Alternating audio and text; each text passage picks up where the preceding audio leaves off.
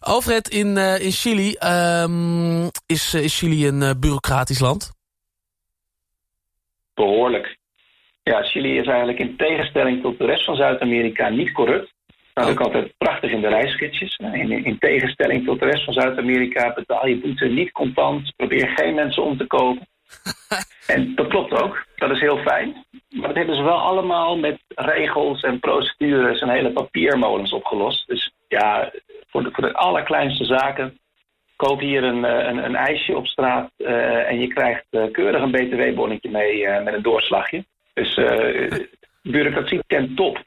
En het is dus niet corrupt en dan, daarvoor hebben ze als, op, als, ja, voor, als oplossing hebben ze daarvoor bureaucratie. Ja, ja. En, en ja, je kunt het echt niet verzinnen, joh. Als je hier verhuist, dan moet je eerst naar de notaris. En dan moet je dus uh, je oude... Je moet een bewijs laten zien van waar je nu woont. En je moet een ondertekend uh, huurcontract of een koopcontract laten zien... om te laten zien waar je echt komt te wonen.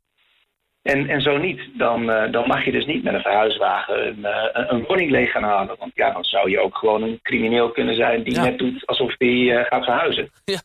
Maar ja, eh, om dan eerst weer naar een notaris toe te gaan... om een briefje op te halen om te kunnen verhuizen... is, poeh, het is allemaal wel veel gedoe, hoor. En zit je ook lang te wachten dan?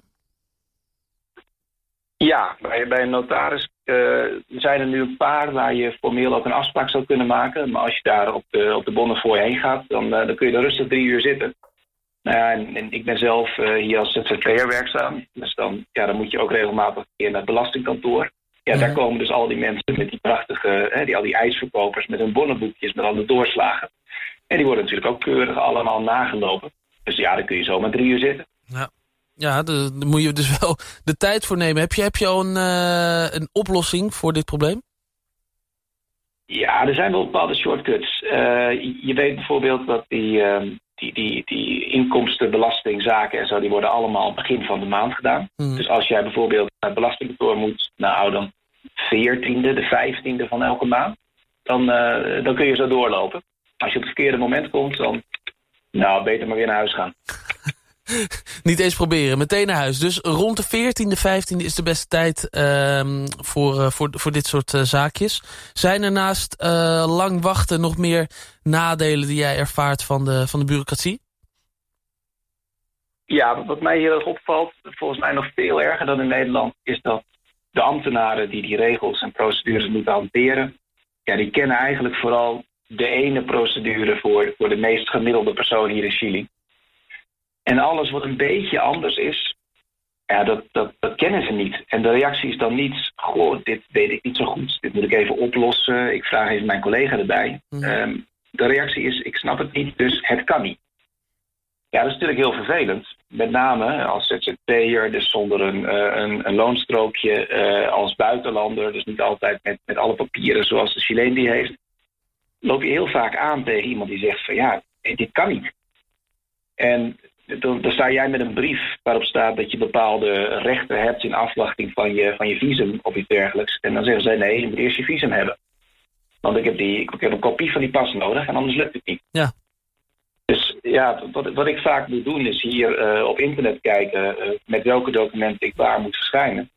Nou, dan maak ik een print van die website en dan haal ik de markeerstiften langs. Uh, om vervolgens aan die mensen zelf uit te leggen wat hun regels zijn. Jongen, jongen. Ja, ja, daar zit ook gewoon een, een, hoop huiswerk in dan, voordat je iets gaat regelen. Ja, en ik vind sowieso dat hier een beetje... Uh, het, het, probleem van de overheid wordt al heel snel jouw probleem. Uh, als ik dus in de visumaanvraag zit, dan krijg je een brief. En die brief is eigenlijk jouw tijdelijke visum. En die brief heeft een geldigheid van zes maanden. Maar als zij na zes maanden nog niet door die procedure heen zijn... dan krijg je veel niks te horen. Of dan, dan zeggen ze niet van, nou ja, hier heb je een nieuwe brief. Nee, dan moet jij naar hun kantoor toe. En dan krijg jij een stempel. Uh, en, en, daar staat dan bij het stempeltje dat die nog twee maanden verlengd is. Nou ja, ik, ik heb hier zo'n tijdelijk visumbrief liggen. Uh, gelukkig heb ik nu eindelijk mijn definitieve visum. Ja. Maar op die tijdelijke brief staan, uh, staan twee stempels. Dus ik mocht twee keer opdraven, ja, omdat, omdat zij niet snel genoeg waren. Maar als jij niks had gedaan, was je gewoon illegaal geweest? Technisch gezien wel, ja. ja. En uh, dat, dat schiet natuurlijk niet op. Ja, nee, dat schiet zeker niet op. En is het vooral um, op het gebied van uh, migratie, immigratie... dat het zo slecht geregeld is? Ja, het is wel zo dat er hier op dit moment heel veel Haitianen binnenkomen en heel veel Venezolanen. Nou, daar hebben ze nu ook extra regels voor bedacht. Die moeten nu in, in het land van herkomst al visums aanvragen. Maar mhm. ja, daardoor was het systeem eigenlijk ja, zo uh, ontzettend uh, overbelast. Dan zou je zeggen, nou ja, dan moet je daar vooral veel mensen bij zetten om die, die workload te verwerken. Maar ja, dus zo werkte dat niet. Dus uh, de, dezelfde aanvragen door dezelfde mensen. Nou, en dan zo'n stapel op ieder bureau. dat, ja, dat gaat natuurlijk ontzettend uit de klauwen lopen. Ja. Ja, daar hadden wij ook mee te maken. En bij mij was het dus ook zo dat mijn tijdelijke visum wilde ik omgezet hebben naar een definitief visum. En dat werd geweigerd. Ik, ik kreeg een brief waarin stond, u voldoet aan alle eisen en wij hebben besloten uw visum te weigeren. Nou ja, dan, dan zou ik zeggen, dan heb je een hele goede beroepsmogelijkheid. Uh, dus ik denk, nou, die wil ik wel. Ik heb gebeld en ik heb gevraagd, hoe werkt dat beroep? Zei ze, nou, wilt u dat echt? ik zeg, nou, dat lijkt mij wel logisch. Zij zei, ja, maar goed, een beroep, dat duurt tenminste anderhalf jaar, hoor, voordat u aan de beurt bent. Nou ja, over een jaar had ik gewoon weer in, in de normale procedure kunnen indienen. Dus het is, ja, het gaat een beetje tegen mijn principes in. Ik moest even schrikken, maar het was veel beter om gewoon maar deze volstrekt belachelijke beslissing te accepteren. En, en nog een keer in te dienen met een jaar. Nou ja, en toen ging het gelukkig goed. Ja. En nu is het ook zo dat jij um, je basisschooldiploma vaak uh, nodig hebt? Ja, je, je moet hier opnieuw je rijbewijs halen. En uh, daarvoor heb je een basisschooldiploma nodig om te laten zien dat je ja, kan lezen of zo. Heb je dat nodig om te rijden? Ja, zo zal het wel zijn. Ja. En ik heb in ieder geval geen basisschooldiploma. Die heb ik in Nederland nooit gekregen. Tuurlijk, ik, ik, kreeg wel elke, elke drie keer per jaar een diploma daar. Maar echt een diploma waarop staat, u heeft de basisschool gehaald. Ik, ik heb hem niet. Ik heb wel een middelbare schooldiploma, een, een universitair diploma. Mm. Maar ja, als je dat dus laat zien, dan krijg je te horen van... nee meneer, we hebben het basisschooldiploma nodig. Nou, wat je hier wel vaak merkt is... het hangt een beetje van de persoon af. Dus als je het meekrijgt...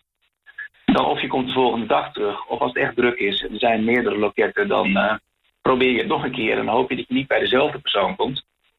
En de, de tweede keer, ja, even, even stoïcijns uh, niks zeggen... en blijven weren van nee jongens, dit is hem. Uh, je, hoeft, je hoeft niet knalhard te liegen, maar je hoeft ook niet de hele waarheid te vertellen... want ja, weten zij veel wat een middelbare school betekent. Ja.